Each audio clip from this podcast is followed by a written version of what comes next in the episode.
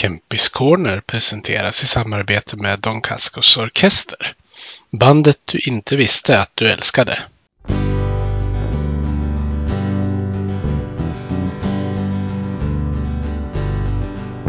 Vi hejar på Modo, rödvit och grön. Klubben i hjärtat, en känsla står skön. Övik, ja, Övik, ja, där trivs vi. Med matcher i lyan, ja, då är det fest. För vi är.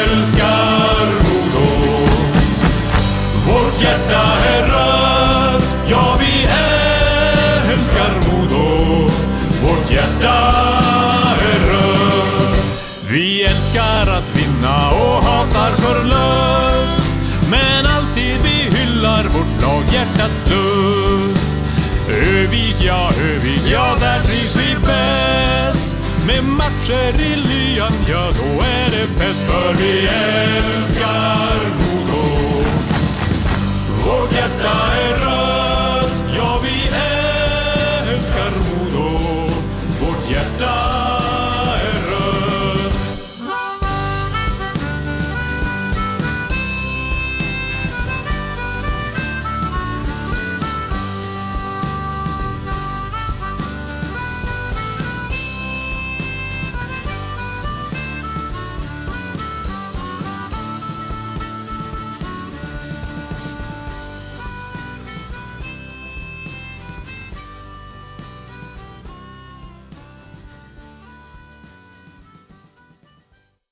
Hej och välkomna ska ni vara till podden Kempis Corner med mig Peter Kempe och idag har jag med mig som gäst Modo Hockeys målvaktstränare Andreas Eriksson. Välkommen till podden Andreas!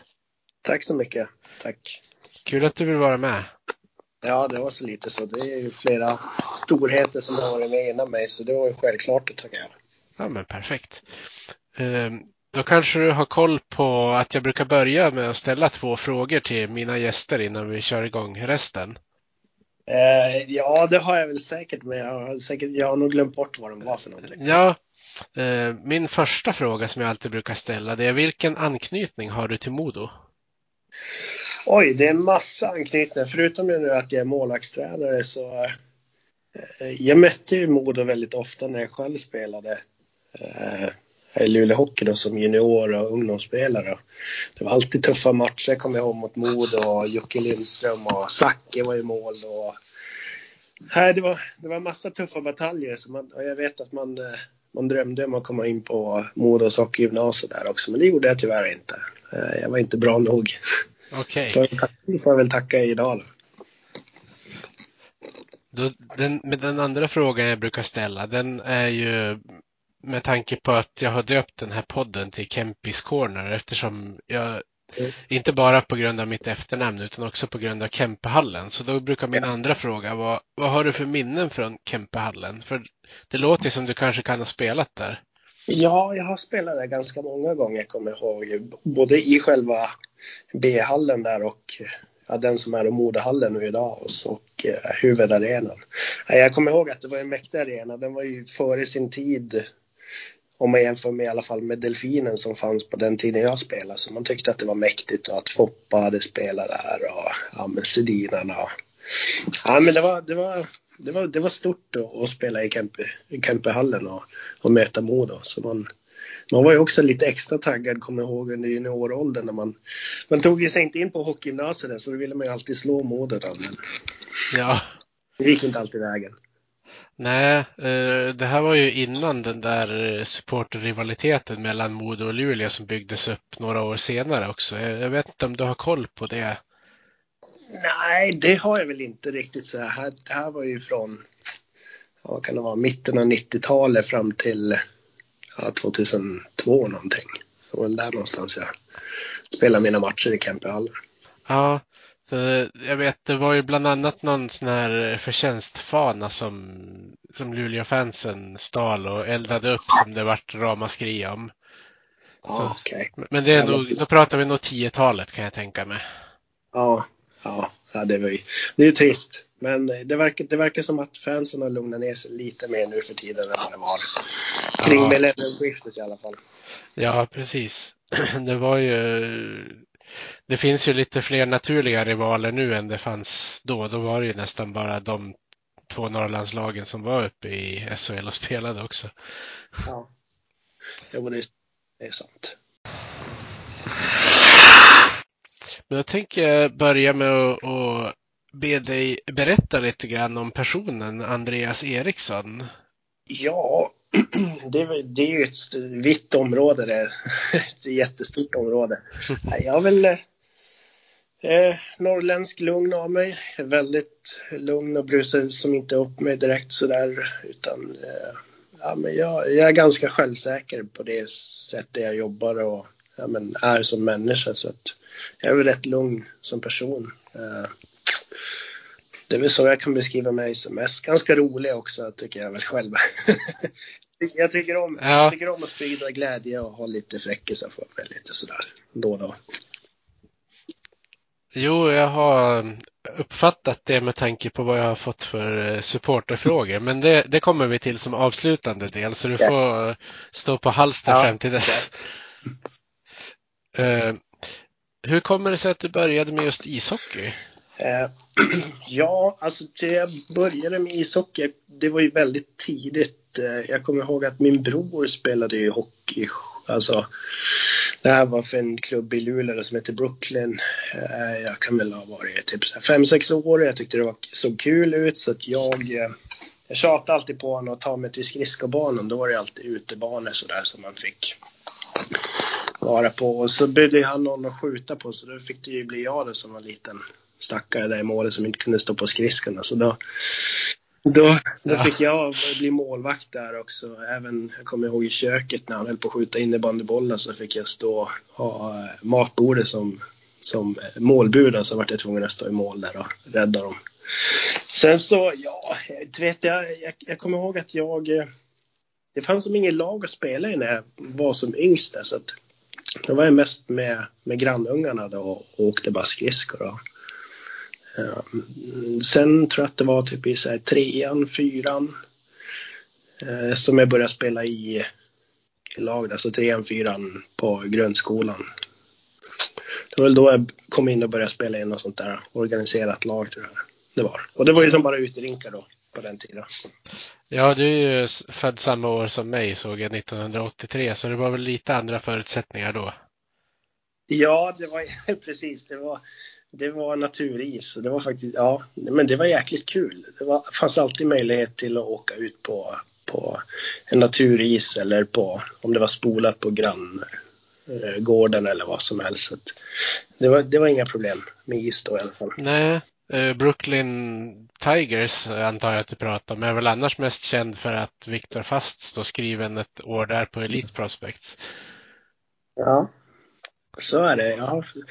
Vi, han gick ju hockeygymnasiet ett år äldre än mig. Mm. Eh, och spelade nog tillsammans i Brooklyn där tror jag. Mitt sista år på gymnasiet tror jag spelade i Brooklyn. Eh, med honom då. Eh, han, han är ju helt annorlunda nu i, idag än vad han, hur han spelade på den tiden i alla fall. Så det har ju det har skett en drastisk förändring de åren han, efter att han lämnade Luleå. Ja. Ja, man brukar ju kunna utvecklas när man är i den åldern. Så... Ja, men jag tror att han var också ganska sen i puberteten och sådär. Så för han var det nog rätt bra att, att eh, växa till sig. Det var lite då han blommade ut också. Så att, eh, det, är, det är inget tvivel om att det är en riktigt bra målis. Det, är, det får man ju bara lyfta på hatten av. Men det trodde man inte då i alla fall. Nej. Eh, men du har ju spelat ishockey själv sa du. Vilken vilken nivå spelade du på? Eh, jag kom upp på division 1-nivå som mest. Eh, jag var ett år i Norge också och spelade, men ah, det räknar inte. Jag tyckte inte att det var så jättebra hockey där på den tiden heller. Men division 1 är det, det är det högsta jag har spelat och det var väl sista året. Ja, Överkalix IF var mitt sista år. Eh, det är en liten by som är typ 10 mil norr om, om Luleå. Mm. Sen så tyckte jag att det inte var kul längre. Ja. Sluta pendla och så lär ner hockeyn och så hade jag ganska, jag hade ett uppehåll på typ så här 3-4 år från hockeyn. Då. Jag inte kände något sug överhuvudtaget. Och sen bestämde du dig för att bli tränare? Eller var det någon annan som bestämde Ja. åt dig? Ibland brukar det ju vara så. var, det var faktiskt så, det, att det var någon annan som bestämde åt mig. Jag, jag jobbade på en, på en eh, högstadieskola då för stunden och eh, så var det en gammal tränare som kom dit. Och så skulle de introducera ungdomshockey då för, för eleverna och eh, vi träffade honom i, i, i personalrummet och han började surra där om att jag måste komma och hjälpa till liksom sådär. Och, nej, jag var inte så sugen på det. Och, Sen kom han tillbaka ett halvår efteråt och fortsatte tjata och så till slut kunde, då var det bara att acceptera. Bara, ah, Okej, här kommer någon träning. Sådär. Men då blir man ju fast i det igen då. Man kan ju inte gå in någonting halvhjärtat så det, då fastnar jag i det. Ja. Eh, vilka utbildningar har du gått? Ja, jag har ju gått allting som går att gå i Sverige i alla fall. Eh, Det har jag väl, så vad är det då? Det är ju alla steg, steg tre tror jag målvakt och så är det väl Oj, det är ju lite fysutbildningar och träningslära och lite sånt. Men ja, allting man kan gå i Sverige. Ja. Eh, vilka steg krävs för att bli målvaktstränare på högsta nivå? Är det någon sån här elitkrav på det som det är som huvudtränare också? Ja, men det är det. Det är ju målvakt 1, målvakt 2, målvakt 3 och att man kör träningslära A, träningslära B, tror att träningslära C också. Och så utöver det så ska man ju ha fortbildning ett, en gång per år tror jag det är. Eh, fortutbildning, det brukar oftast vara att man träffas målvaktstränare tillsammans med Hockeyförbundet och eh, typ några dagar bara sätter sig ner och diskuterar lite nyheter i, inom hockeyn, inom målvaktsvärlden och ja, men utbyter idéer och har lite samtal och diskussioner. Eh, Blir det, får man göra både teori och praktiska övningar då eller hur går det till? På fortplantningen, Ja. eh, då är det oftast eh, praktiskt. Man sitter och diskuterar i grupper och har lite gruppsamtal sådär om lite olika scenarion och det. Och sen så brukar oftast vara lite praktiskt. Man går igenom på isen och man lyfter sina idéer om man känner för det eller så kanske man håller tyst. Och, ja, men lite, lite så är det ju på. Eh, det har ju varit väldigt öppet eh, mellan målvaktstränare och utbyta idéer de sista 10-15 åren. Men jag tycker också att man börjar gå tillbaka lite grann på att man kanske inte avslöjar alla sina, alla sina idéer. Då är det lätt att Nej, men att man kanske blir scoutad lite enklare eller att eh, någon tar åt sig några speciella idéer eller ja, så har man ju märkt. Ja. Eh, Så man, man, man, man, tar hand om sitt eget till att börja med lite mer nu på slutet tycker jag. I alla fall jag. Mm. Eh, Hur många, om, om vi översätter de där utbildningarna till terminer, hur, hur långa eller hur många terminer skulle du säga att du har suttit och pluggat sånt där? Nej, man skulle inte säga terminer utan oftast är ju mm, det är oftast helger eller en vecka man sitter på möte. Typ en målvaktsetta kanske är typ två dagar.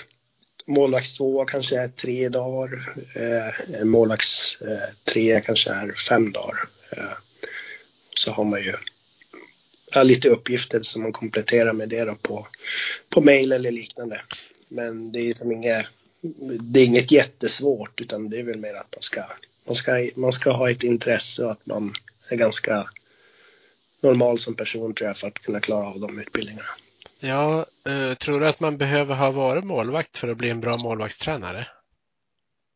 Det tror jag faktiskt inte att man behöver. Eh, För det första så är det ju så att man kommer in med lite nya infallsvinklar om man inte har varit målvakt. Så att man kanske ser saker på ett helt annat sätt än vad en målvakt har varit. Att man ställer lite annorlunda frågor kanske men det kan ju också vara så att man öppnar lite nya dörrar. Men eh, om jag hade fått välja så är det nog att man kanske har spelat eller att man har eh, ja, men följt med någon som har spelat målvakt ett tag i alla fall.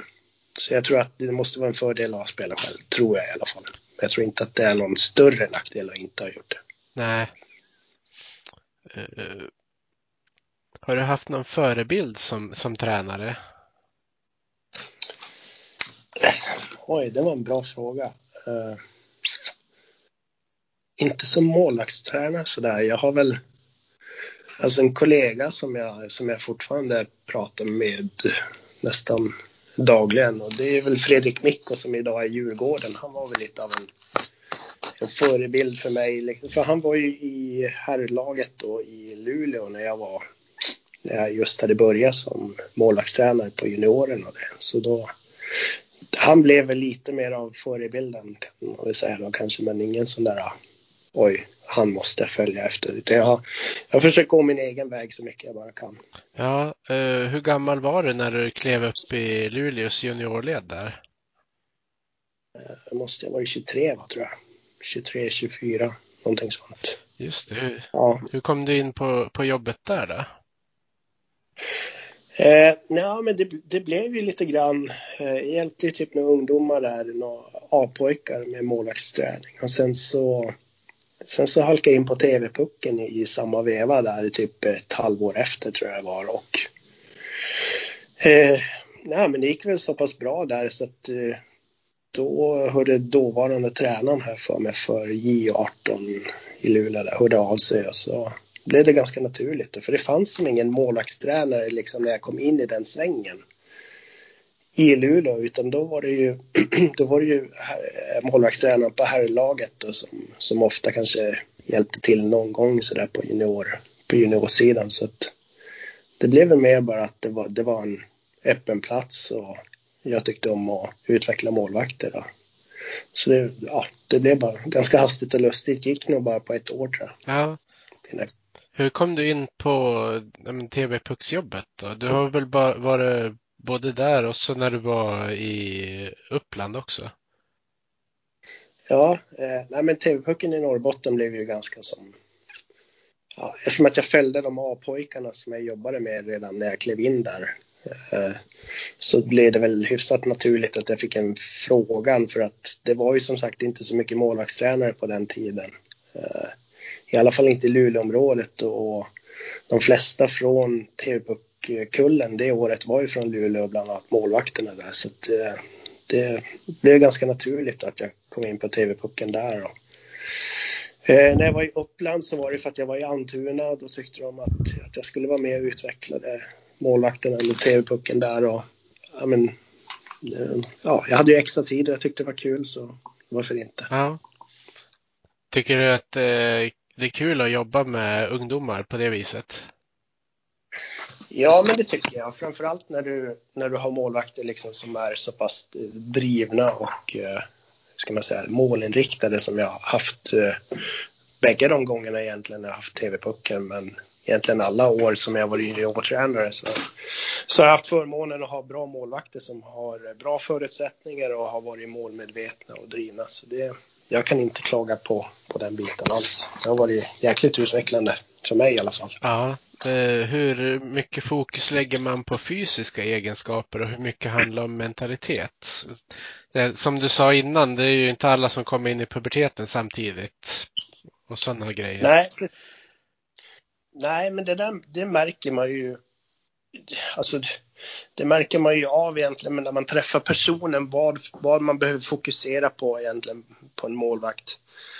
Eh, är det juniorer så kan de ju som du sa vara helt olika i storlekarna och eh, då behöver man fokusera på kanske lite andra saker. Större målvakter som är i den åldern, eller junioråldern, de är oftast väldigt spretiga kan man säga. Att de kanske inte har byggt upp eh, muskelmassa riktigt för att få ordning på kroppen. Så där behöver man kanske jobba lite mer på att få ihop en målvakt, att han inte behöver göra mer liksom än, än vad, han, vad, vad chansen kräver.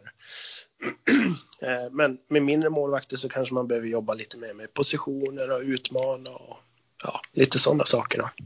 För att kompensera för att man kanske är lite mindre i målet. Men inte så jättemycket fysiskt. Det, alltså, när det gäller målvaktsspecifik fysisk träning så i den åldern så är det ju bra att göra egentligen så mycket som möjligt kan jag tycka med bollsporter och gymnastik, yoga, allt möjligt i junioråldern. Eh, äldre seniormålvakter behöver också kanske lite specialanpassad fys, men det har ju också med de, det genetiska, hur, hur de är byggda och vad man har för begränsningar och lite sådana saker. Så det, det är en väldigt komplex fråga det där, det, det är det. Men, men eh, genetik tycker jag väl har väl en stor inverkan på hur man tränar. Ja. Um, är det lätt att se utvecklingen om man jobbar med en, en tonåring till exempel?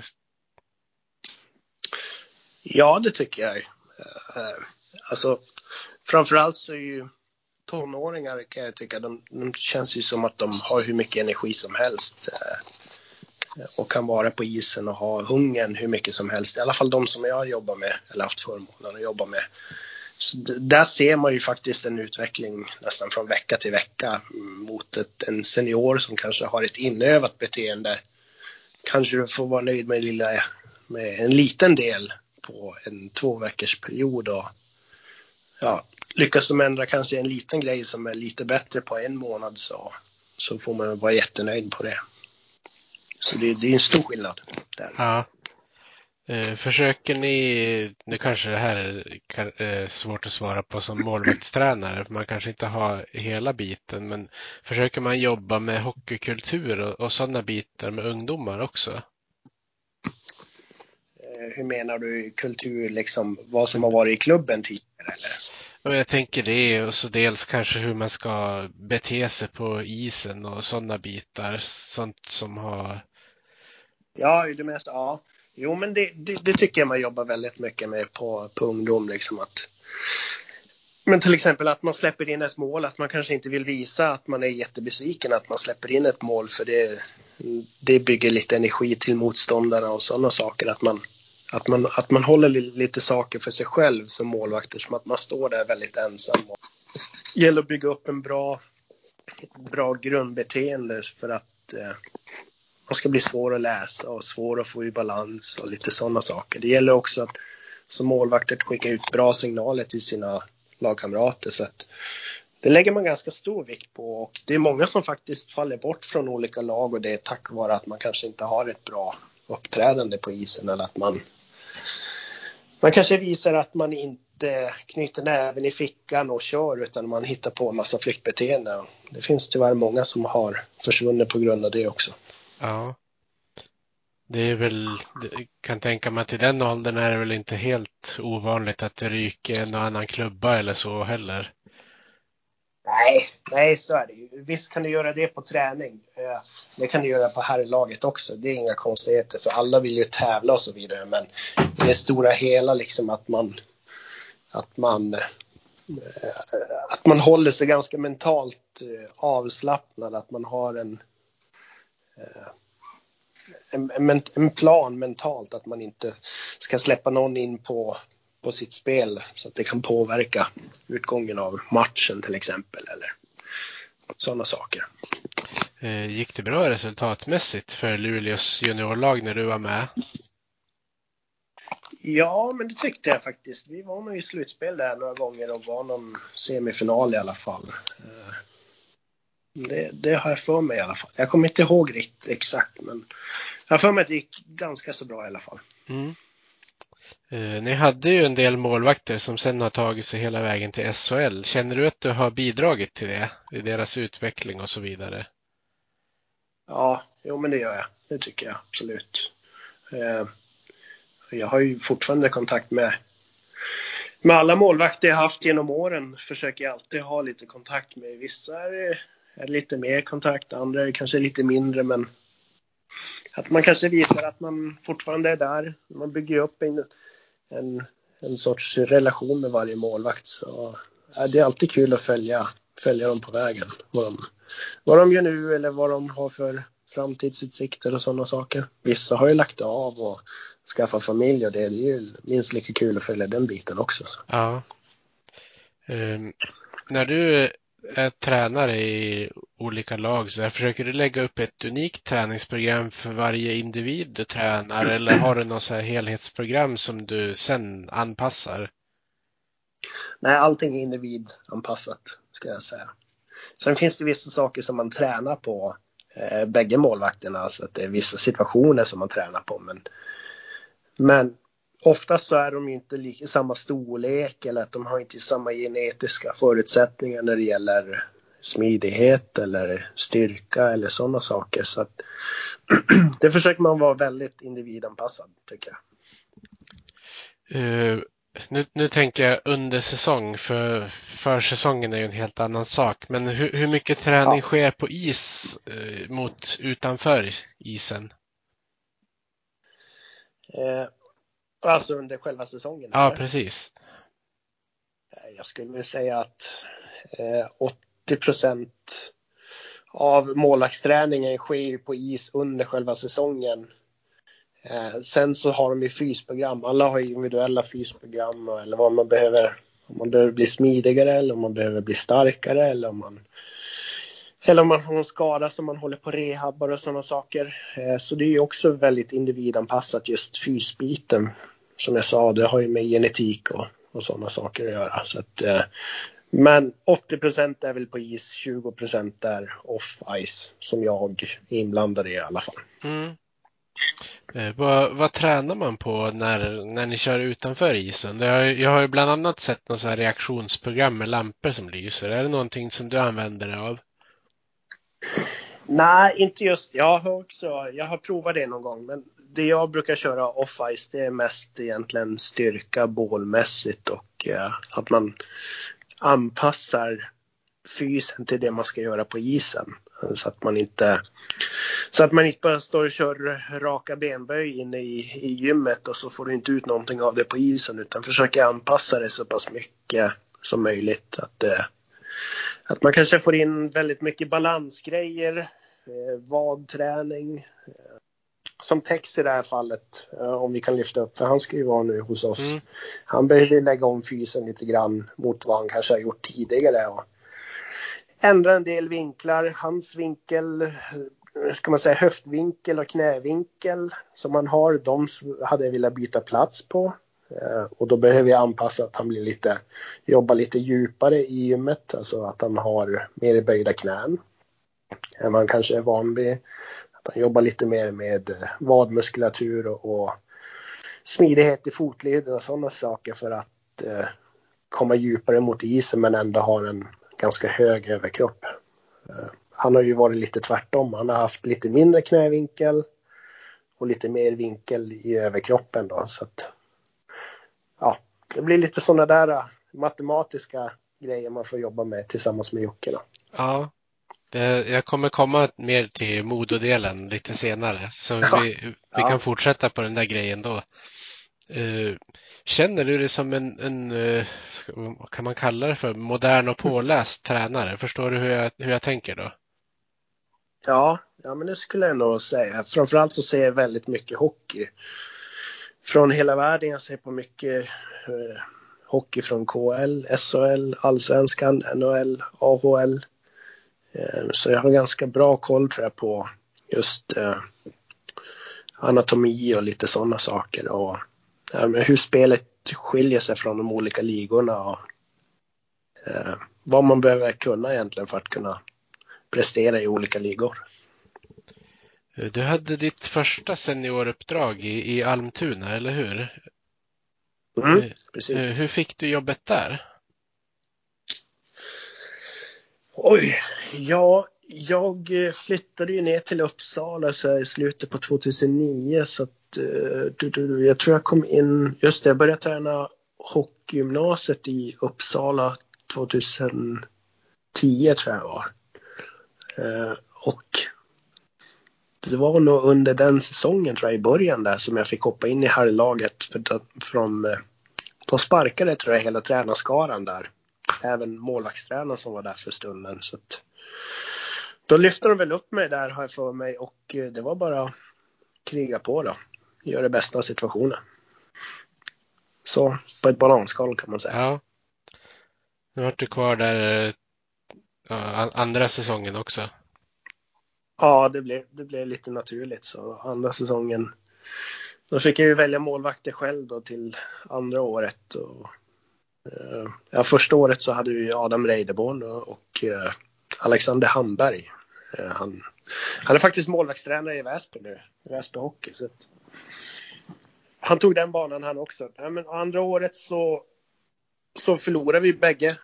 Tyvärr. Hamberg skrev på för AIK i SHL och Adam han skrev på för Djurgården då i dåvarande allsvenskan. Så att, eh, fick vi börja om på ny kula men då fick vi i alla fall låna in Hamberg där så det, var, det var ju kul. Vi hade en jättebra relation. Och så Lassinantti då, tog jag in. Mm. Och så var, var Enrot där också. Det stämmer bra, du är påläst. Mm. Nej, men han, han, kom in efter en stund eftersom att eh, det var ju lockout där så att eh, jag hörde mig för med Jonas och han var sugen på att komma in och lira och han gjorde det jäkligt bra och det var ju samma veva också som Lassinantti skulle iväg på JVM-uppdrag där så att eh, så det, det passade ju bra att vi fick in en målvakt där för annars hade vi stått utan egentligen egen målvakt eh, eftersom att vi hade ju Hamberg och kunde ju gå till AIK när som helst. Då. Så att eh, det var bra att vi fick in Jonas där och han bidrog ju jättemycket tycker jag. Ja, det är ett bra namn att få in. Ja, det är en jättebra kille också. Mm. Väldigt bra kille. Efter det året så tog du steget till Malmö och SHL. Hur, hur kändes det att ta, ta det steget och, och flytta så långt söderut? Nej, det var faktiskt inga problem alls, utan det tyckte jag bara var en självklarhet. Alltså för mig personligen i alla fall. Jag, jag kände att jag var redo att ta det steget i och med Eh, Eh, de framgångar jag hade haft tidigare där med målvakten i Almtuna och Luleå. Så då, jag var rätt självsäker där så det var inga, det var inga konstigheter egentligen. Om du frågar mig men det är klart det var väl ett okänt namn då att komma fram. Eh, och det ska ju Sylvegård ha all eloge för att, för att han gav mig chansen. Det var ju bara kul. Uh, blev det stor skillnad på förutsättningarna för ditt uppdrag när du fick flytta till högsta serien? Ja, men det tycker jag absolut. Det blev ju ja, som, ja, det var ju helt andra, helt andra förutsättningar.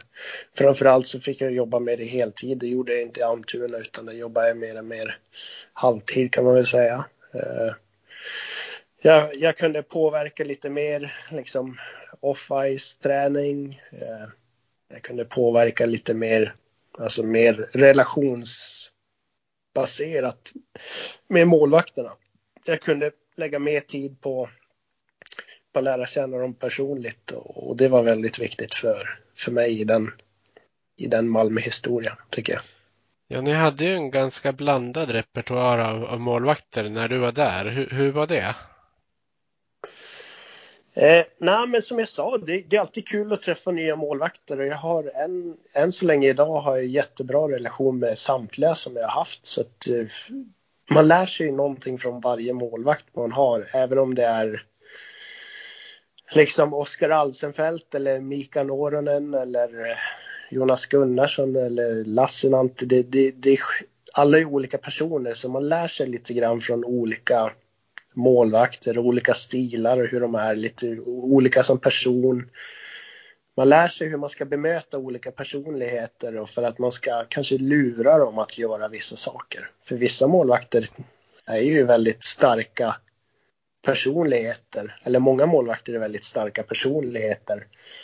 Och där tycker jag det gäller att, att man vågar stå på sig och våga tro på sin sak och eh, som jag sa det här med att lura, att man, man får lite locka fram lite saker, ett beteende. Man kanske inte vill göra en viss sak, träna på en viss sak, men då får man lura dem och, och så helt plötsligt har de tränat på den saken som man vill träna på. Förstår du hur jag menar? Jo, då, jag, jag hänger med. ja, nej, så det, det, det, är väl främst det då. Oskar Alsenfelt som jag hade de åren där, han var ju en väldigt stark personlighet. Så där har ju, ja, det har ju lärt mig jättemycket. Uh, rent, rent spontan fråga som jag kommer att tänka på. Det är ju väldigt vanligt att målvakterna går ner på knä tidigt nu. Har du någon gång känt dig sugen på att sätta ett, ett rep i, i ribban och få dem att träna på att stå upp en stund till? ja, nej men vi har, jo absolut, det har vi. Och vi, många av mina träningar är ju att de inte får gå ner på knä heller liksom att eh, men tjuvar de så då kanske de får köra fem armhävningar eller fem situps eller sådana saker utan att, att man lär sig ha tålamod och, och har du inte tålamodet som målvakt idag då, då blir du väldigt snabbt scoutad och väldigt snabbt eh, enkel att läsa och ja, men genomskåda. Så det är, det är ju A och O att, att man vågar lita på sin egen förmåga som målvakt. Och extremt viktigt i SHL, det måste jag säga. Ja, det är väl, eh, nu har du väl varit en del eh, videoansvarig i, i moderollen och så. Har du varit involverad i att scouta motståndarmålvakter också? Ja, det är ju eh, hela tiden egentligen. Så jag, jag har ju ett eget program som jag har byggt upp ja, det måste vara fem år sedan som, som jag använder för att analysera, har det som ett litet verktyg där jag går igenom egentligen samtliga mål, hur de går till på alla målvakter och där man försöker hitta ett mönster. Helt enkelt var passningarna kommer ifrån, var skotten är tagna, var de släpper in skotten och lite sådana saker. Men det är inte alltid det är inte alltid det är väsentligt heller för en, för en spelare som kanske inte behöver eller kanske inte vill tänka på det i ett specifikt läge. Men man kan väl säga att det, det blir mer och mer viktigt ju viktigare matcherna är. Eh, som till exempel går man in i ett slutspel då har man ju oftast en liten genomgång eh, mot om motståndarnas målvakter och, eller deras försvarsspel överlag. Vad de kanske är dåliga på som man kan försöka utnyttja. Ja, jag kan tänka mig att det, det lades ner en del timmar på sånt eh, innan finalen mot Björklöven som var i, i fjol. Ja, eller ja, jo. Egentligen var det ju, jag hade ju byggt upp en bas över hela säsongen egentligen som, eh, som vi visste hur vi skulle göra mål på kanaten. Men sen inför slutspelet så, så la vi ner någon timme extra där för att få igenom liksom hur deras försvarsspel är synkroniserat med deras målvakt och sådana saker. Och, men jag tyckte det följde, föll väl ut och jag hoppas vi hade, eller jag önskar vi hade kunnat spela fler matcher för jag tror att vi hade tagit det. Ja. Det låter ju som att du har haft ett, ett extra heltidsjobb med det där. Nej, ja, alltså, alltså om man kommer utifrån och ser det där så då kanske man tycker det, men det känns som att det är en, en vardaglig sak att ha koll på egentligen. Och som sagt, jag bygger upp en bas över en hel säsong eller två säsonger. Så att då får jag mer ett, ett jämnare snitt så att, eh, så att man inte behöver chansa egentligen på en scouting på en målvakt utan man, man har någonting att luta sig tillbaka på. Mm. Eh, jag tänker på nu, du hade ju haft ja, men någon tidigare också. Men är det stor skillnad på att jobba med en utländsk målvakt jämfört med en svensk skola? Du har haft ett par i Modo åtminstone. Mm.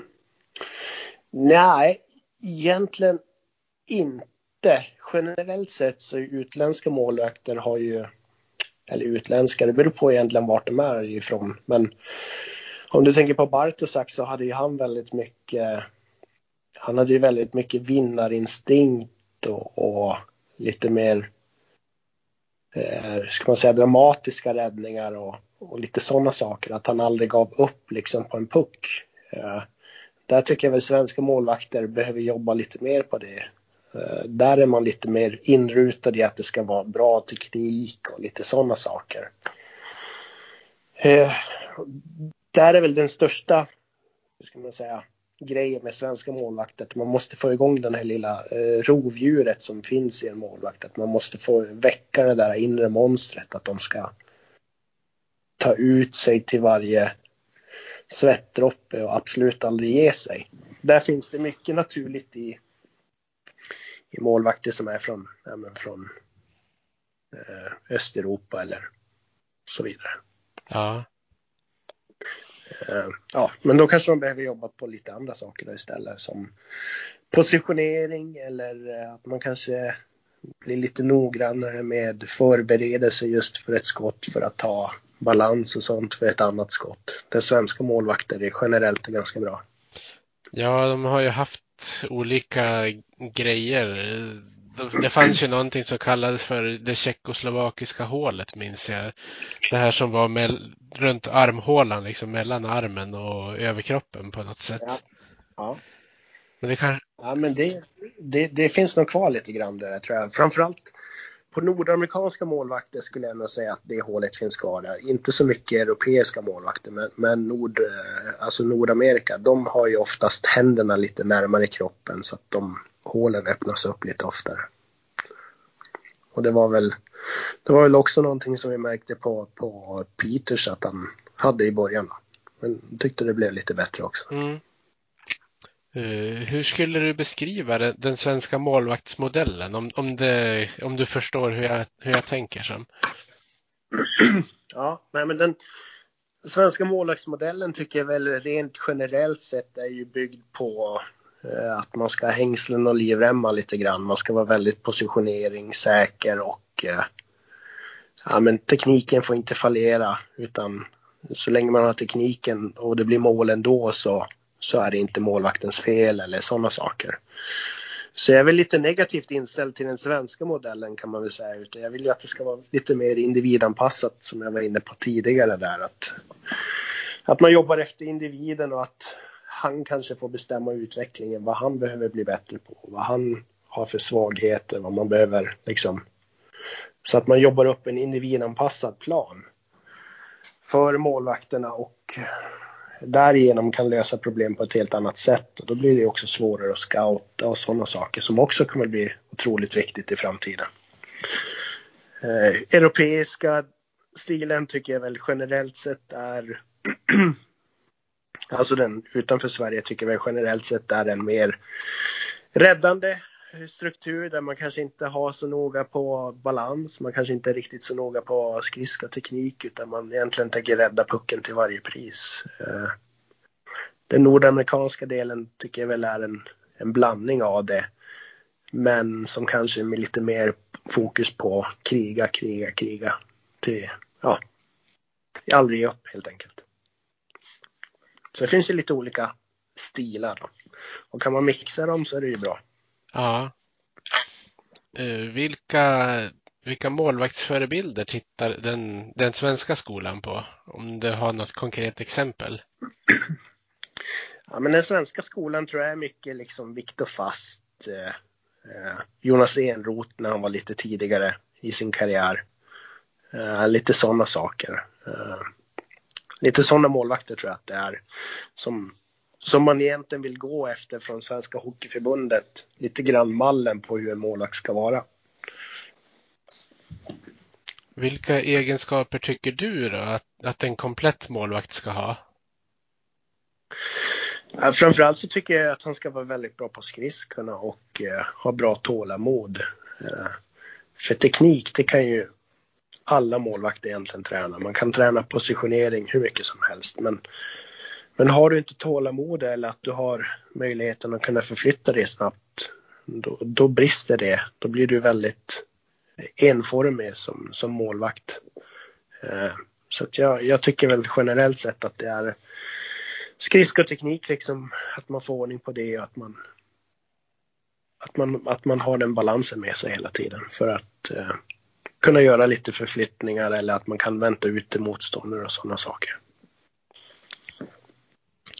När du var i Stavanger i Norge, märkte du stor skillnad på hockeyn i, i Sverige och Norge då? Ja, men det tycker jag. Det var ju framförallt mycket runt om som, som var stor skillnad. Eh, framförallt när jag kommer från Malmö där det fysioteamet liksom eh, hade förberett pre-practice meal och det var efter, alltså de hade vätskeersättning, de hade måltidsersättning under träningarna, efter träningen och allting sånt.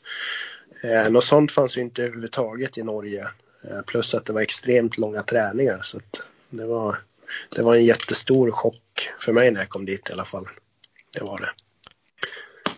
Hur kom det sig, hur kom det sig att du hamnade där? Det var faktiskt Henrik Holm som hörde av sig till mig, alltså målvakten där då. Och, eh, frågade om jag skulle vilja komma dit och jobba med honom. Och det gick jag ju lite igång på att, att han hörde av sig själv så där. Så det var på den vägen är det. Ja, just. Ja. Du blev headhuntad helt enkelt. Ja, precis. Av målvakten själv. Så det var jäkligt kul.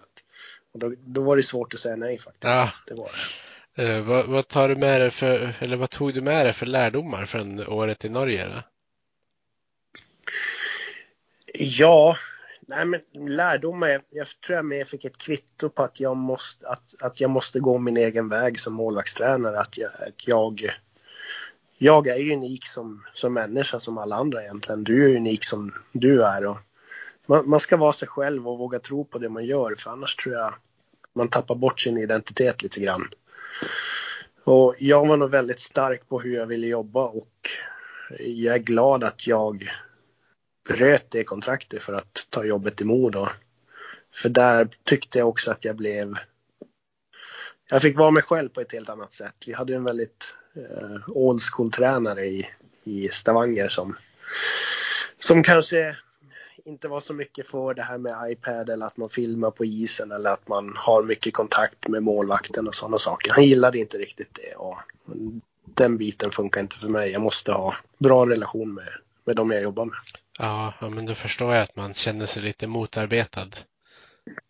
Ja, precis. Det blev alltså rent resultatmässigt så var det inget fel på det, men jag kände inte att jag, jag, jag trivdes inte och fick inte ut allt som jag ville ha egentligen på grund av det. Nej, det är ju inget kul om man inte känner att man har gjort ett så bra jobb som man skulle vilja. Ja, men lite så. Lite så. Lite bakbundna armar sådär kan man säga. Eh, som du sa, du, sen hamnade du i Modo. Vem, vem var det som värvade dig dit? Det var faktiskt Björn som, som frågade om jag inte ville komma och jobba med honom igen. Uh, Björn Hellqvist då. Mm. Uh, så att, uh, och jag hade ju redan, när han nämnde det första gången där så då, då frödde det eller sådde det ett frö lite grann i mig där om att fasiken, jag kanske vill jobba på en annan plats där, jag, där folk vet lite grann vad jag kan göra och sådana saker. Så att, där någonstans så började jag fundera på det och det var först i slutet på säsongen som jag bestämde mig att jag ville komma till Modo istället. Ja, och så nu har du varit i Modo i två väldigt olika säsonger. Hur, hur skulle du vilja beskriva de säsongerna?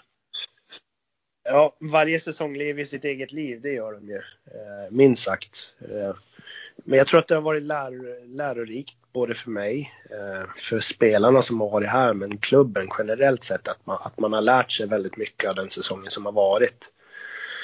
Att, att alla säsonger lever sitt eget liv, att man inte ska ta någonting för givet bara för att det funkade under en era så behöver det inte vara exakt samma sak under en annan tränare eller med ett annat spelarmaterial utan att varje trupp har ju sin sin, sin egna identitet på något sätt. Det går aldrig att kopiera det. Eh, speciellt inte när man förlorar så pass många kärntruppspelare som vi gjorde. Så det tror jag väl att man har lärt sig ganska mycket från, från den här säsongen. Då. Men man kan ju, ja, det var ju fruktansvärt kul att spela året innan och lite, lite motigare det här året. Ja, det var ju väldigt mycket kvalitet som försvann där samtidigt när säsongen slutade som den gjorde. Ja, det, ja, det är fortfarande, mål är fortfarande i mig när jag tänker på hur det slutade. Ja. ja. Så, så är det. det. Man får, som jag sa, man får se framåt och jag tror att klubben och alla som var runt omkring det har lärt sig extremt mycket från det. Så att det finns någonting gott av det. Ja. Uh, hur olika har målvakterna som du har jobbat med i Modo varit? Ja, nej men det, det är klart att de har varit väldigt olika och, och där har ju eh, min rutin att falla tillbaka på att, att eh, och hur, hur man hanterar den biten. Så jag tycker det har funkat bra, alltså samarbete med, eller bägge de här säsongerna med de olika målvakterna. Som jag sa så är det ju det är stor skillnad på många målvakter som har varit här de här, de här två åren. Så det, ja, man får vara lite kameleont. Så är det. Ja. Uh, hur kändes det när ni tog in en, en så pass meriterad målvakt som man ändå måste säga att Patrik Bartosak är? Ja, men det kändes ju framförallt väldigt kul att han ville komma till oss och, och vi fann ju varandra ganska omgående där att Eh, eftersom att han hade haft en strulig tid innan så kändes det som att han behövde en, eh, jag ska inte säga fadersfigur, men en, han behövde en nära relation eh, som, som han kunde lita på till 100 procent. Eh, och det är väl kanske inte det intrycket som alla har av Bartosak, men, men han var ju, han var ju väldigt, eh, ska man säga, social. Väldigt social och ska man säga, behövde behövde att man såg honom på ett helt annat sätt än vad kanske många svenska målvakter som är i den åldern inte behöver. Du behöver inte få den där bekräftelsen hela tiden, men han, han behövde få den för att må bra och prestera bra. Ja, som, som du sa, han kom ju från en turbulent tid. Märktes det på ja, men hur han betedde sig när han kom in och så? Jag kan tänka mig att det går till sig efter ett tag, men jag tänker när han precis kom. Ja, men lite så var det att, att han ville men han kanske, jag ska inte säga att han ville hävda sig, men han ville inte visa sig svag. Och det förstår jag. Eh, men jag tror att han kom in i det väldigt snabbt när han märkte att Modo som organisation brydde sig väldigt mycket om honom och brydde sig om resultatet även på isen. Liksom att, att det gick hand i hand. Att han inte bara var Bartosak hockeyspelaren utan då tror jag han kunde slappna av på ett helt annat sätt. Jag, jag tror det var därför det blev så pass eh, bra connection med, med honom att han gillade staden och klubben så pass mycket. För det gör han verkligen. Ja, och fansen också. Ja, absolut. Jag menar, han, han pratar ju fortfarande väldigt varmt om, om klubben så att det, så någonting gjorde vi bra och ja, vem vet, vi kanske får se honom i framtiden igen. Ja. Mm. Känns det som att ni hade vunnit målvaktsmatchen om, om inte säsongen hade slutat så som den gjorde? Jag, jag ska snart sluta och prata om det där för jag känner, känner att jag börjar älta det där själv nu. ja, men det tror jag absolut. Det tror jag absolut att vi hade gjort. Eh, jag tycker väl generellt sett att, att eh, Patrik var lite svårare att, att scouta rent generellt än vad, vad Kanata var för deras spel. Eh, och det hörde ihop med vårt försvarsspel också så att, jag tror definitivt att vi hade vunnit den målvaktsmatchen. Jag tror att vi hade vunnit spel, utespelarmatchen också. Sen, han, han blev ju pååkt där i, var det mot Vita Hästen?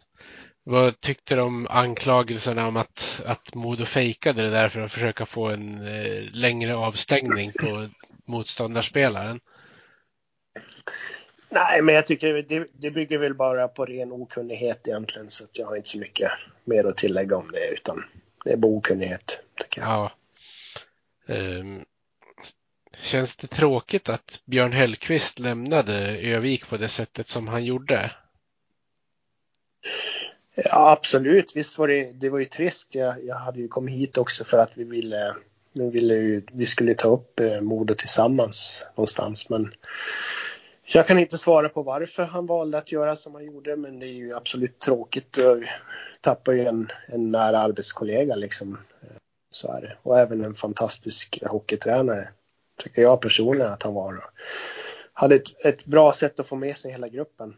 Eh, så det var ju tråkigt att han lämnade, men ja, alla har väl sina egna orsaker. Eller han hade väl sina orsaker och anledningar till varför han ville bryta, mm. helt enkelt.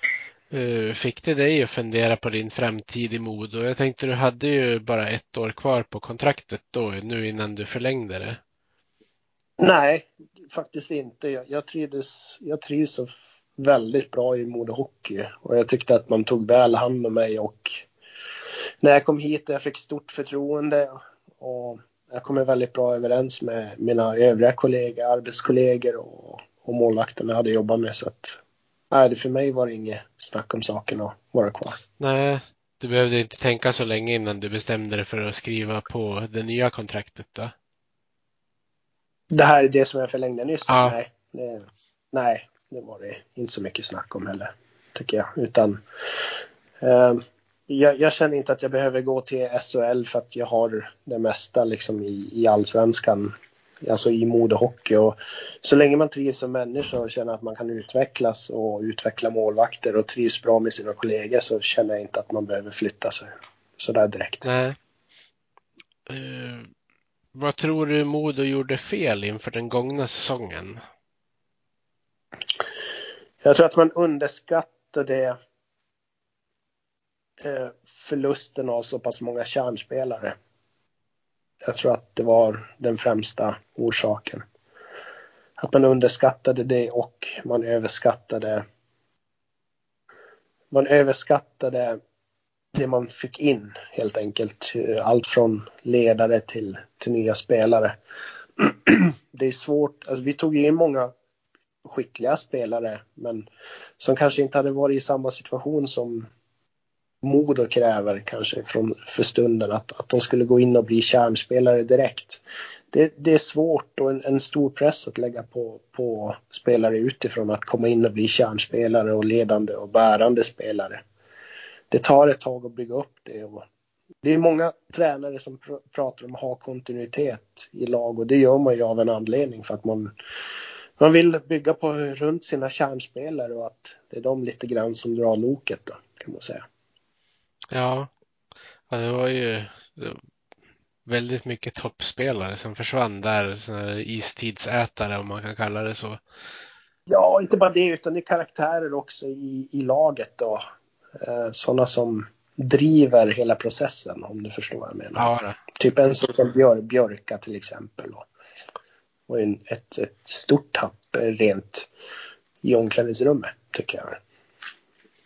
Ja, det finns ju såklart många sidor man inte ser bara på isen i gruppen också. Nej, men så är det och det, det är också en, en, balansgång när man bygger lag. Det är ju väldigt svårt att se karaktären på en spelare. Det är många, det, du kan ha jättebra siffror också i, i vad du har levererat tidigare för klubbar men, men jag tror att scouting går också mycket mer till vad det är för personer man har att göra med. Lite som NHL-lagen, deras scouter jobbar liksom när de draftar spelare och sådär. Du kollar inte bara på hur, hur spelarna är på isen utan du ser också på hur han är utanför isen och hur han, vad han har för familjesituation, vad han har för vän, alltså vänskapskrets och vad det är för karaktär på spelaren helt enkelt. Om, om man kliver upp tidigt och tränar och vill bli bättre eller om man slår sig till ro och sådana saker. Ja, jag vet, de brukar ju även kolla på hur, hur föräldrarna ser ut och sådana saker. Ja, så är det väl. Men det kanske inte är lika noga i, allsvenskan just den fysiska biten liksom, Nej. Eh, eller genetiska biten. Men jag tror att det är extremt viktigt, i alla fall för Sverige och det som, som eh, vi kommer ju fortfarande fostra spelare utomlands till eh, KL och lite sådana saker. Men då är det också viktigt för oss som inte har samma pengasäck att, att vara ännu mer noggrann på vilka typer av karaktärer man, man värvar. Ja, Eh, den gångna säsongen fick du jobba med Anthony Peters. Var det den första nordamerikanen som du har jobbat med? Eh, både ja och nej. Jag har jobbat med nordamerikaner på camper tidigare. När jag, var i, jag var i Boston för massa år sedan och jobbade på en camp där. Och då fick jag ganska bra insikt i hur nordamerikaner fungerar och sådana saker. Eh, men ja, i ett lag är det första gången med som en jag hade en nordamerikan, det var det. Eh, var det stor skillnad på hans skolning jämfört med vad du är van vid? Jag vet ju, de är ju en, en del som kommer därifrån är ju känd för mer aggressivt målvaktsspel och så vidare, men jag tänker du får, du får mm. svara för, för det där själv. Ja, nej men han, han var väldigt, hur ska man säga, europeisk lagd i sin spelstil. Han har ju haft en, en målvaktstränare där borta i Nordamerika som, som, har blivit, som har varit väldigt influerad av, av ja, men till delvis svenskt målvaktsspel. Så han hade ju lite mer åt, åt det hållet. Däremot så så hade han kanske inte, han kanske behövde göra en del anpassning för att det skulle funka här jämfört med vad det behövde vara i Nordamerika. Han behövde anpassa det i, i sitt djupledsspel och liksom till exempel Nordamerika så skjuter du ju lite mer så fort du får en chans. I Sverige så kanske du väljer att spela pucken, eh, djupledsspel och sidledsspel och lite sådana saker. Eh, det behövde han anpassa då i Sverige mot vad han kanske har behövt göra i Nordamerika. Eh, men överlag så har jag en, en arbets, ett arbetssätt som är väldigt återhållsamt kan man säga. Han, han gör inga stora yviga rörelser utan han försöker vara rätt positionerad så ofta han bara kan. Uh, föredrar du att jobba med en given första målvakt eller vill du ha en, en någorlunda jämn målvaktstandem? Jag vill nog gärna ha en någorlunda jämn faktiskt för eh, ja, men, vi märkte kanske att, att eh, Anthony spelade, spelade lite för många matcher i år. Eh, speciellt med hur vi låg till i, i serien där det var för många viktiga matcher där han kände att han kanske inte hade möjlighet att återhämta sig eller få bra träning mellan matcherna och där känner jag väl att jag hade velat ha ett någorlunda jämnt målvaktstandem för att eh, kunna avlasta varandra mycket bättre. Eh, jag har sagt det många gånger tidigare att kan man anpassa en målvakt, den som kanske är första keeper, att han får en på högst 35 matcher så är det helt optimalt, tycker jag. För då håller han längre och får bättre träning under säsongen, lägre skaderisk och flera sådana bitar. Så jag, jag, kan tänka mig att en första målvakt kanske, alltså vissa vill väl spela alla matcher om de får. Vissa mår väl bättre av att få vila någon gång ibland också. Så är det. Det hade vi Oskar Alsenfelt när han fick eh, Honken Trophy i Malmö till exempel. Han landade på, tror jag var, 32 matcher. Han ville ju spela alla matcher den säsongen men han fick bara 32 matcher och han hade ju ändå 9 nollor den säsongen. Så att han förstod varför. Men han ville ju ändå spela mer. Alla målvakter vill ju spela så mycket som möjligt men men eh, de kanske inte alltid vet sitt eget bästa. Så det är därför vi tränar det. Ja. Uh, ja, det vore ju konstigt om man spelar på den nivån och inte vill stå alla matcher såklart. Så är det. Men, men det var bra för hans kropp just mm. Han hade nog behövt spela färre matcher nu också än vad han har gjort.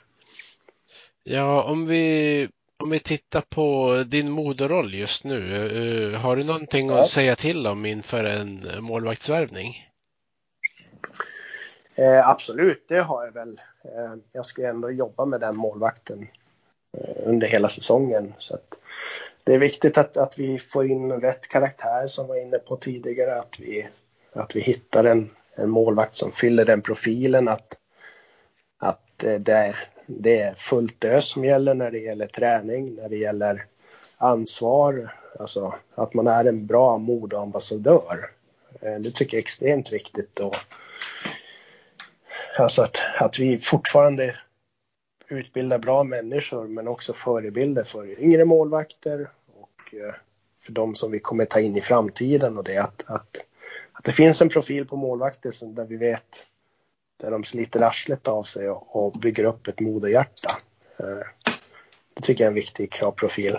Eh, sen när det gäller storlek och sådana saker, det, det kan ha betydelse när det gäller räckvidd och sådana saker men det viktigaste är att vi får in en, en bra karaktär tycker jag och en, en som har en vilja att, att utveckla sig varje dag. Och som ska kunna ha egna åsikter, det tycker jag är viktigt också. Mm. Eh, sitter du och håller koll på marknaden och har koll på eventuella spelare eller målvakter du skulle vilja jobba med? Ja, absolut. Det, det har jag. Men, men det är också högst en ekonomisk fråga. Som inte är på mitt bord. Eh, och som, som jag sa så bara för att det är en målvakt som jag känner att jag hade velat jobba med så är det viktigt att, att den personen gör, passar in i den kravprofilen som, som vi har i Modo Hockey. Som jag tycker man ska ha. Ja. Uh, Modo har ju relativt nyligen presenterat sin nya huvudtränare Mattias Karlin. Hur mycket har du hunnit prata med honom?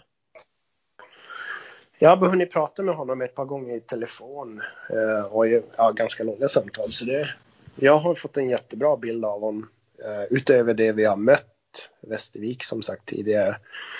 Tycker han verkar vara en, en väldigt skarp tränare och när man pratar med honom så, så imponerar han ännu mer. Jag tycker han har bra och kloka idéer och eh, verkar ödmjuk inför uppgiften och det tror jag det är viktigt att man är. Ja, Känner du att nyheten om din eh, kontraktsförlängning hamnade lite i skymundan med tanke på när den presenterades? nej, nej, jag, det tror jag inte. Jag, jag, behöver faktiskt inte alls stå i rampljus om du frågar mig. Det klarar mig, det klarar mig ja. Uh, vad, vad, tycker du om uh, Henrik Gradin då? Det har ju blivit bytt både sportchef och huvudtränare nu. Mm. Nej, men samma där. Jag tycker han verkar väldigt ambitiös och bra koll på siffror. Liksom pengar, vad det får kosta, vad det bör kosta. Eh, Sådana saker. Han har bra koll på profiler som vi behöver få in i Modo. Som kan anpassa sig till hur det är att bo i Övik och den pressen som det faktiskt är att spela i Modo Hockey. Eh, jag tycker han har bra koll på det när det gäller att och, och titta på rätt spelare. Eh, nej, men jag tycker han verkar väldigt skarp och, och socialt väldigt bra också. Mm. Ja, det, är, en bra värvning. Tränar du bara A-lagets målvakt målvakter eller har du en översyn även över resten av föreningens målvakter? Eh, jag tränar ju främst herrlagets målvakter men vi, vi försöker också ha koll på I20s målvakter, alltså kunna lyfta upp eh, någon av dem då och då under träningar. Framförallt för att jag tycker det är, det är bra för dem att kunna komma upp och, och känna på en, en högre nivå. Eh, det sätter också oftast lite grann lite press på målvakter som är kanske etta, tvåa i herrtruppen som kanske får stå lite mindre på träning. De, de blir lite griniga och det kanske man vill ha ibland också för att, för att de ska få en extra växel. Liksom sådär. Och det finns flera olika anledningar varför man vill flytta upp en, en J20-målis eller J18-målis. Men jag försöker ha så bra koll som möjligt på dem och överblicken har jag ändå. Jag ser lite träningar och matcher sådär med, med J18 J20 för jag tycker att det är intressant att, att, följa de målvakterna också. Men jag är inte inne och rör allt för mycket på dem utan eh, de har målvaktstränare också på juniorlagen som jag tycker ska ha den relationen med, med sina målvakter istället för att jag ska gå in och, och peta där också. Ja, det är ju klokt. Jag, Ja, jag tycker, det är, jag tycker det är viktigt att de, att de är där och nu, de målvakterna. Att de inte ska tänka så mycket på herrlaget eh, redan nu. Att jag ska in och, och ställa och snurra till det för dem. Utan jag, jag, tycker de ska få utvecklas i lugn och ro. Men självklart så försöker jag ju finnas i bakgrunden och ha, ha ett koll på dem. Annars är det, känns det fel tycker jag. Ja. Uh, vi, vi snuddade ju vid Tex Williamson förut. Eh, han är ju klar för den uppkommande säsongen. Eh, vill, vill ja. du utveckla honom eller vill du lägga upp ett program utifrån hans styrkor? Du var ju inne på lite grann som du ville förändra i alla fall.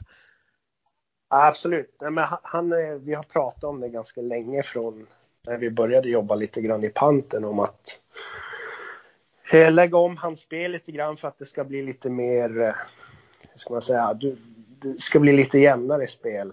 Eh, framförallt kanske spara på hans kropp eh, på ett helt annat sätt.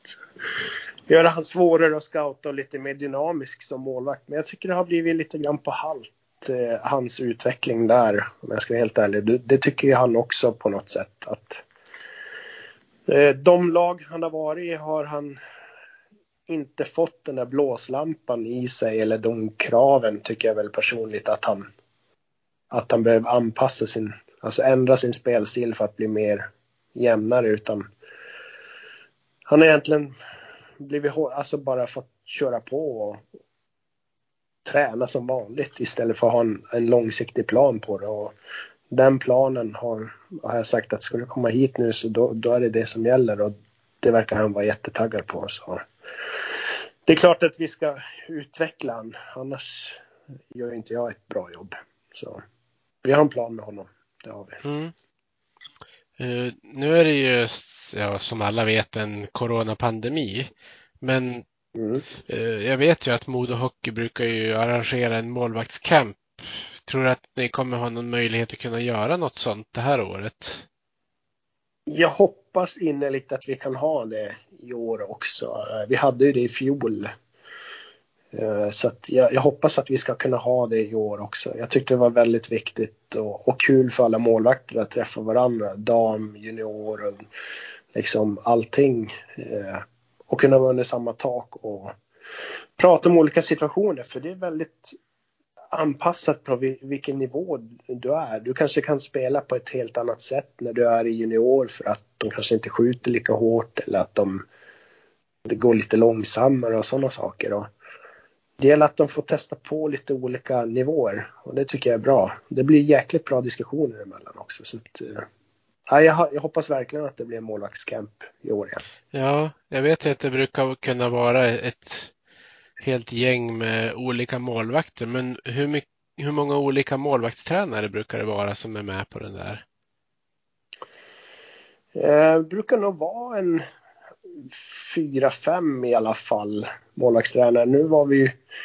det var, vi var ju två som höll i det i fjol, men vi vill ju i alla fall ha in lite målvaktstränare utifrån som också är med och liksom intresserar sig. Alltså från Ångermanland, att, att det kommer från andra klubbar runt om. Det tycker jag är bara jättebra. För att de har ju också några funderingar eller frågor eller liknande som öppnar upp ögonen för mig som jag tycker är väldigt intressant. Liksom att man, man måste fundera och tänka ut någonting och det utvecklar ju ja, mig men också andra och målvakter. Och, nej, jag tycker det är bara jag tycker det är positivt om det kommer må, många målvaktstränare från, från uh, Ångermanland. Det tycker jag. Eller omnejden i alla fall. Ja, och sen vet jag ju att det har ju till och med varit Ja, men Ian Clark har ju varit med någon gång bland annat. Nu kanske det är några år sedan sist. Men det... Ja, det är väl före min tid. Ja, det, det måste ju vara jättebra att kunna utbyta erfarenheter på det viset. Eh, absolut, det tycker jag. Ja, absolut, det är. Och att, att, att man vågar ha diskussioner. Att, att ingenting är skrivet i sten egentligen. Att man, att, för det utvecklas så jäkla mycket och att, att den yngsta vågar säga vad han tycker och tänker och den äldsta kanske kan lyssna på den yngsta målvakten och sådana saker. Så att, så att inte alla ska gå i exakt samma mönster för det tror jag inte utvecklar någon annan än, än den som har bestämt det faktiskt. Så att nej, jag är öppen för, eh, för att det är massa olika målvakter från olika stilar och att det är målvaktstränare utifrån att man har en öppen dialog för det, det gynnar alla tycker jag. Ja. Sen måste det ju vara ganska häftigt för de yngre målvakterna sådana gånger som en sån målvakt som Linus Ullmark kan vara med också. Ja, absolut. Och Linus är ju fantastiskt bra på på, på att dela med sig av sina upplevelser och, och, vad han har gått igenom i karriären och vad han har behövt ändra på. Lite sådana saker. Så han, är ju, han kommer bli en riktigt bra målvaktstränare den dagen han lägger av tror jag. För han, han är socialt kompetent och bra tålamod med frågor och, och tänker till lite grann sådär. Så det, nej, han har varit ett jäkla tillskott tycker jag. Sen hoppas man kanske på att Anton Forsberg kanske kan dyka upp eller sådana saker. Det är ju bara roligt om vi har fler målvakter som, som har eh, spelar i Modo som kan kanske komma tillbaka och hjälpa till också. Så vi får se. Ja, just eh, Linus Ullmark är ett bra exempel också på att man behöver inte deppa ihop om man råkar missa att vara med i TV-pucken. Ja, nej, nej, nej, nej, herregud. Som jag sa tidigare i början där att det är lite olika hur man är i puberteten och hur man utvecklas som människa, hur man utvecklas som alltså, målvakt rent fysiskt sett. Det finns massa olika saker som, som brukar komma ikapp med tiden. Ja. Eh, min sista fråga innan eh, vi kör igång med supporterfrågorna. Det är, det är ju ingen hemlighet att du gillar att köra motorcykel. Hur många timmar i veckan blir det under säsongen? Under hockeysäsongen? Nej, jag tänkte under motorcykelsäsongen. Ja, jag vet inte. Ja, timmar, det vet jag inte. Eh, men det brukar bli 700 mil ungefär. 700 per, per sommar. Ja, ja, det blir en del i alla fall. Ja, det blir en del. Men det är smidigt. Det är smidigt och man tar sig fram överallt och slipper köer och allt möjligt. Så att, eh, det är ett smidigt färdmedel, tycker jag.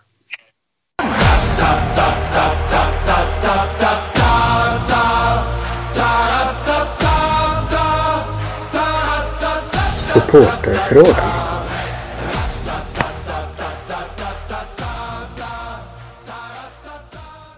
Då hoppar vi över till eh, lite frågor som jag har fått inskickad. Så jag kallar det för supporterfrågan. Ja, okay. Eh, den första som har skickat in en fråga det är Dick Strahl. Eh, Ja. Hur eh, jobbar och förhåller du dig till det här förhållandet mellan ja, men målvakt och målvaktstränare som, som kompis? Och det måste, Mm. Han tänker det måste vara svårt ibland för man ska ju både vara på målvaktens sida men man jobbar ju samtidigt åt klubben. Jättebra fråga. Eh, jag tror att det är viktigt att man, att man alltid är ärlig. Eh, det, det tjänar både jag som målvaktstränare på, det tjänar klubben på och det tjänar framförallt målvakten på. Att man ska kunna ha en bra relation. För mig har ju det egentligen hjälpt mig att ställa krav på målvakterna. För då kan jag säga till när det räcker, liksom när det behöver bli allvar. Jag kan ryta ifrån på ett helt annat sätt. I och med att målvakten vet att jag bryr mig om den som person. Och jag, jag vill ju bara utveckla den personen på isen också. Eh, så att det har bara hjälpt mig egentligen att jag har bra relationer med målvakterna. Men jag förstår att det kan, det kan ju vara svårt om, om, man, om man bara har en, en vänrelation och att man kanske inte litar på sin egen förmåga. Så det gäller att vara Ja, för mig har det hjälpt genom för att jag kan ställa högre krav då, i alla fall. Eh, Peder Unander, han undrar, har ni någon plan för Marcus Nygren? Han tycker det var länge sedan Modo satsade på någon av sina egna målvaktstalanger. Och de se, senaste 20 åren tycker han det bara är ja, men Zacke, Svedberg, Forsberg och Ullmark som har fått chansen ordentligt. Så han undrar hur ni tänker Mm. där. Jättebra fråga det också. Eh, jag håller med. Jag hade hoppats att det skulle komma upp eh, fler målvakter som, eh, som kan ta en, en bärande roll i herrlaget. Det är klart att det finns en plan för Nygren och han i detta nu så sommartränar han med oss och han kommer göra det hela sommaren och planen är att vi ska försöka signa honom. Planen är också att vi ska försöka få ut honom till en bra division 1-klubb där jag kan kunna åka iväg och se på matcher. Fortfarande träna honom, ha ett bra träningsprogram under vintern och ha täta kontakter med honom för att vi vill se hur han klarar sig i en eh, seniornivå helt enkelt och hur han håller den formen. För han har varit extremt bra i vinter innan man fick bryta säsongen då för juniorerna. Nej, vi, vi, vi ser väldigt mycket fram emot att se hur det går på han, för hon, eh, på seniornivå. Extremt talangfull och, och eh, bra driv på den pojken. Ja, det måste ju vara ohyggligt surt för dem som spelar i J20 en sån här säsong när man inte Ja. får chansen att ta det där steget. Nu har väl en del kunnat fått spela i ettan, men det är väl långt ifrån alla J20-spelare i hela Sverige som har fått den möjligheten. Nej, precis så är det. Och för, målvakter är det ju färre platser då att, att tävla om. Eh, så för många målvakter på J20 runt om i, i landet så har det ju tyvärr bara blivit gnugga på träning på grund av att det är mycket färre platser att slåss om. Eh, så att, nej, jag lider med många men det, det ställer ju också lite eh, krav på karaktären som jag var inne på där tidigare. Vad, vad, vad vill man? Vad har man för mål med sin karriär? Kan man, kan man göra det bästa av situationen även fast den är för jävlig? Eh, Så det ska bli intressant att se i år. Mm. Eh, Peter Iversen undrar, hur har du tränat upp ditt berömda skott som många målvakter i hela landet pratar om? Ja, Jag förstår att Iversen är väldigt eh, avundsjuk på det berömda skottet. Eh, nej, men det, hur jag har tränat, det gäller att skjuta mycket. Jag alltid gillat att skjuta på målvakterna. Framförallt så har jag väl tränat på att jag alltid ska försöka pricka där jag siktar. För det tycker jag är A och O som målvaktstränare. Det är inte alltid du har en skytt ute som kan hjälpa dig med det. Eh, sen på de sista fem sex åren så känner jag väl att om jag skjuter så vet jag vart pucken går i alla fall. Om en utespelare skjuter så är det inte alltid de lyssnar på det eller att de börjar skylla på flexen på klubban eller att det är någon slipning som är fel eller vad som helst. Då har jag väl oftast valt att skjuta så mycket som möjligt själv för då, då vet jag vart de slutar upp puckarna i alla fall. Mm. Så det har varit. Eh, Henning Solberg, han säger att du har kallat dig själv för ett geni i köket. Så han undrar vilken rätt du anser att du är mästare på. Oj, ja. ja. Det var ju en väldigt speciell fråga. Ja, men det kanske är smashburger kanske? Eh, eller en salsiccia pasta säger jag. Salsiccia pasta. Ja, det låter inte dumt. Nej. Ja, den är magisk faktiskt. Ja. Eh, Karl Malmqvist undrar hur snabbt går din MC? Hemskt. Ja, kan, nu har inte jag såklart provat det. Som att det är 110 på vägarna i Sverige. Så, men, men 250-280 kanske. Ja, re, rent teoretiskt alltså. Ja, teoret, rent teoretiskt. Uh, Adam Westlin, han undrar, är Patrik Bartosak den bästa målvakten du har tränat? Och så undrar han hur högt du skulle ranka honom bland målvakter i Europa? Eh, ja, jag vet bästa, den som har varit bästa för stunden eller har blivit bästa eller? Det har han inte specificerat. Nej.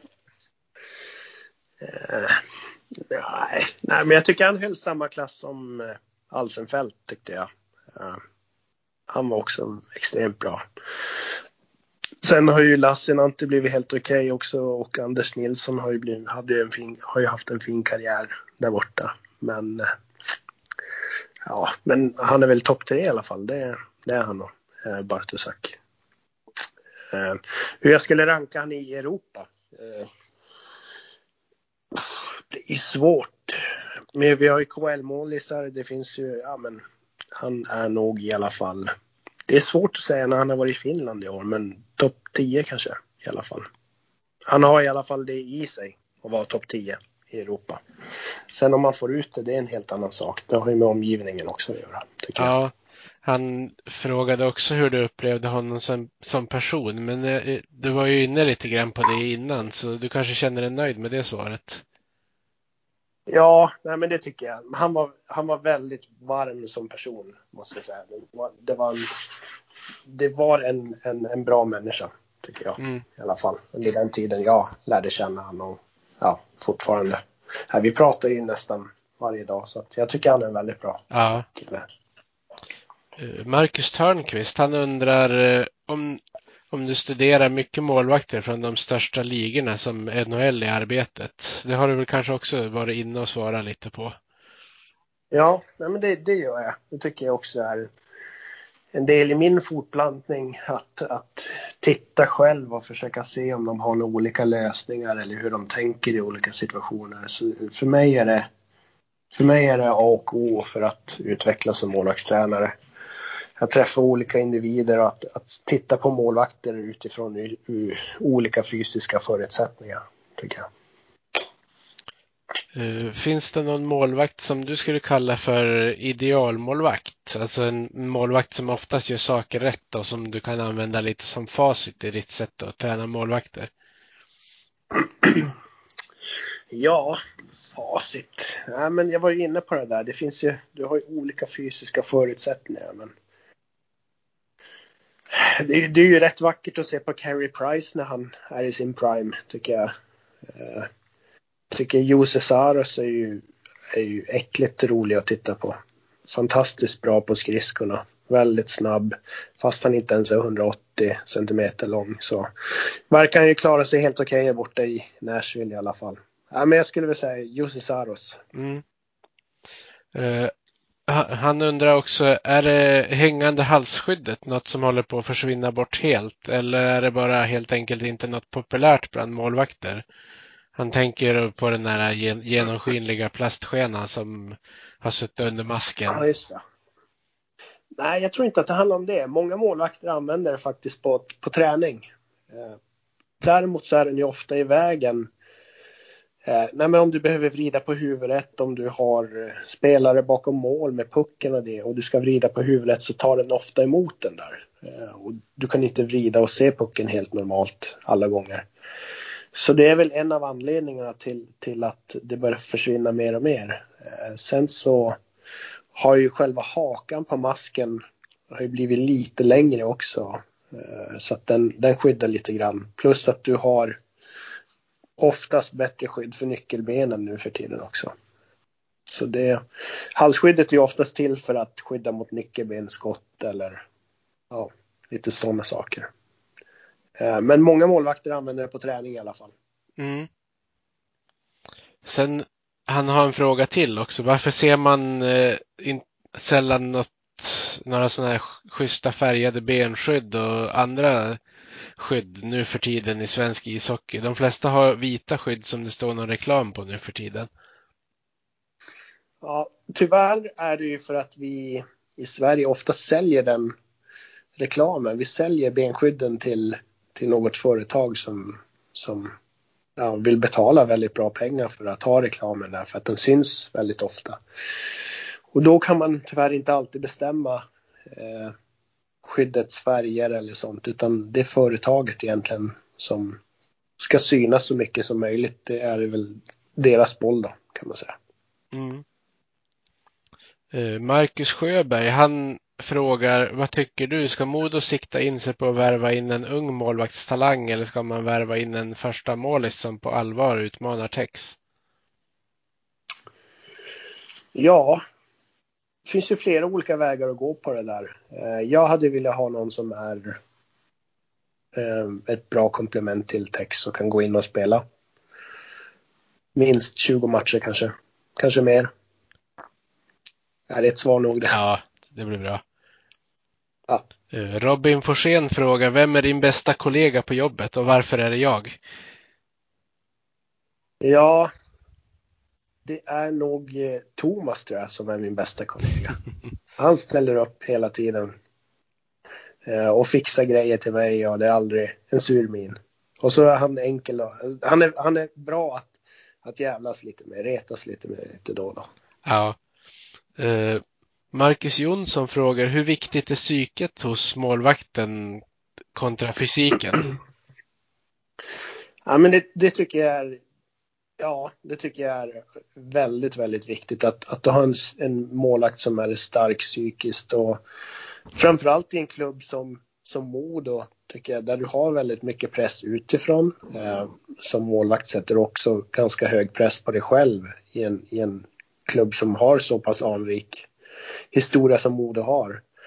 Och då är det väldigt viktigt att du har en som är stark psykisk, som tror på sig själv stenhårt. Eh, som också kan, eh, hur ska man säga, inte brytas ner av en förlust eller att eh, skriverier eller rykten eller någonting sånt. För mycket sånt kommer ju egentligen fram till en spelare i alla fall, vare sig man vill eller inte.